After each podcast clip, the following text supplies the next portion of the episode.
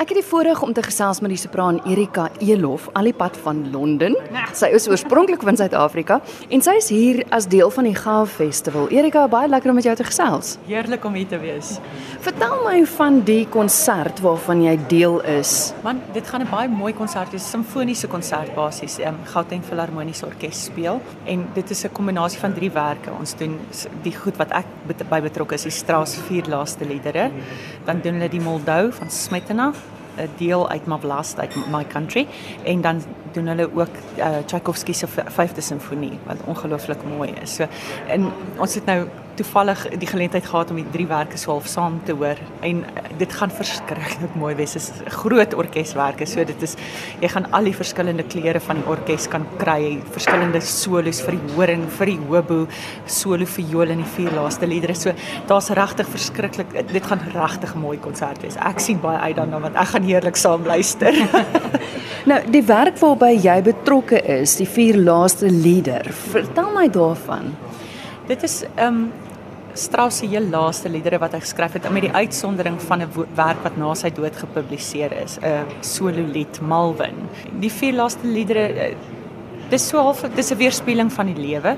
Daar's vroeling wat lente is, dan's daar September wat nou natuurlik eintlik in die herfs ingaan vir die Europeërs.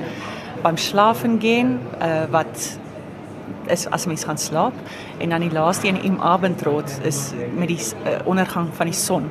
Nou soos wat jy kan hoor aan die beweging van die van die sal ek sê die struktuur van die werk kan dit aan die lewe ge, geheg word.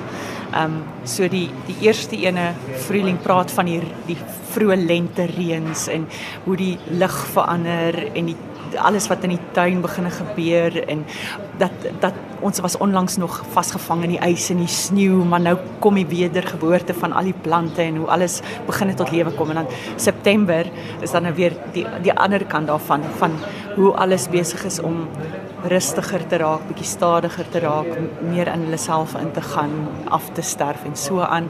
En dan beim Schlafen gehen is die dis die die ekwivalent van om om dood te gaan. Hoe hoe alles hoe mens jou gedagtes laat gaan, hou op dink, raak rustig, kom terug na jouself toe. Plaks van om heeltyd op alles om jou en buite jou gefokus te wees. En dan die laaste ene, die avondrot, is is die is verskriklike lang lang inleiding in die orkes en groot met horings wat verskriklik mooi speel. En dan ehm um, wanneer die stem begin, dan sit ewe skielik 'n so halfe jy kry 'n gevoel van 'n 'n wiegelied. Hoe die die orkestekstuur beweeg. Dit klink soos 'n boot op die water wat sy water se teen dit klots.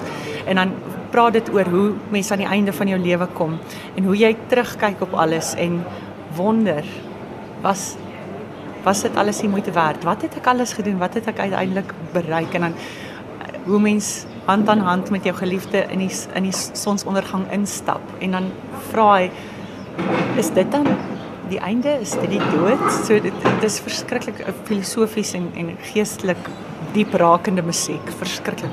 Maar soos jy dit verduidelik, daar's soveel passie in in hoe jy net verduidelik wat jy sing. So verstaan ek reg dat daar verskriklik baie vertolkingsmoontlikhede is in in die lieder? Ja, ja. Ek meen Strauss het dit alles ingeskryf. Mense hoef nie regtig verskriklik hard te soek vir die betekenis of mm. vir hoe om dit te interpreteer nie. Dit is alles in die musiek en in die teks. So, ek is nou jammer ek het nie my musiek eintlik saamgebring dat ek net vinnig deur die teks in meer diepte kan praat nie, maar ek meen dit sal alles in die konsert sal mense dit kan hoor. Mense hoef nie Duits te verstaan om die emosie agter die liedere te verstaan nie, want dit is dit is die meesterskap van Strauss wat absoluut uitkom. Sy orkestrasie is ongelooflik goed. Daar's nooit regtig tye wat die orkes totaal die stem oordonder of enige iets van die aard nie. Dit is fyn en deursigtige tekstuur en dan sal oomblikke wat die stem nie betrokke is nie en dan speel die orkes hulle harte uit en jy voel so 'n opwelling van emosie en hoop of of uh, of hartseer of so in in in die orkes strekke wat alleen is. So dit is 'n ongelooflike musiek regtig. Ek het ergens gelees dat gehore nie noodwendig so graag lieder bywoon nie. Uh, is dit so? Want ek dink is 'n persepsie. Mense mense praat ook mense praat graag oor die feit dat ja, klassieke musiek is besig om, om uit te sterf. Hmm. Ons sterf nou al baie lank dood as jy mooi daaroor dink. dis as ons nou al so lank besig is om uit te stap. en um, ek dink dis maar net 'n persepsie. In dit hang af van gehoorontwikkeling tot 'n tot 'n groot mate. So, soos die Engelse sê audience development. En daar is baie daarvan wat wêreldwyd aangaan dat mense uitreik programme het om mense bewus te maak, om mense betrokke te kry, om mense geïnteresseerd te kry. Dis maar soos enigiets is dit 'n opvoedingsstaak. En wat mense nie ken nie, gaan hulle nie noodwendig ondersteun nie, maar as hulle dan blootgestel word, het niemand nog ooit gesê, "Ooh, dis aaklig, ek hou glad nie daarvan nie." Nou, nee, okay. Kom ons sê met uitsondering. So, meeste mense kan en dit hang ook af van die van die van die van die uitvoerder.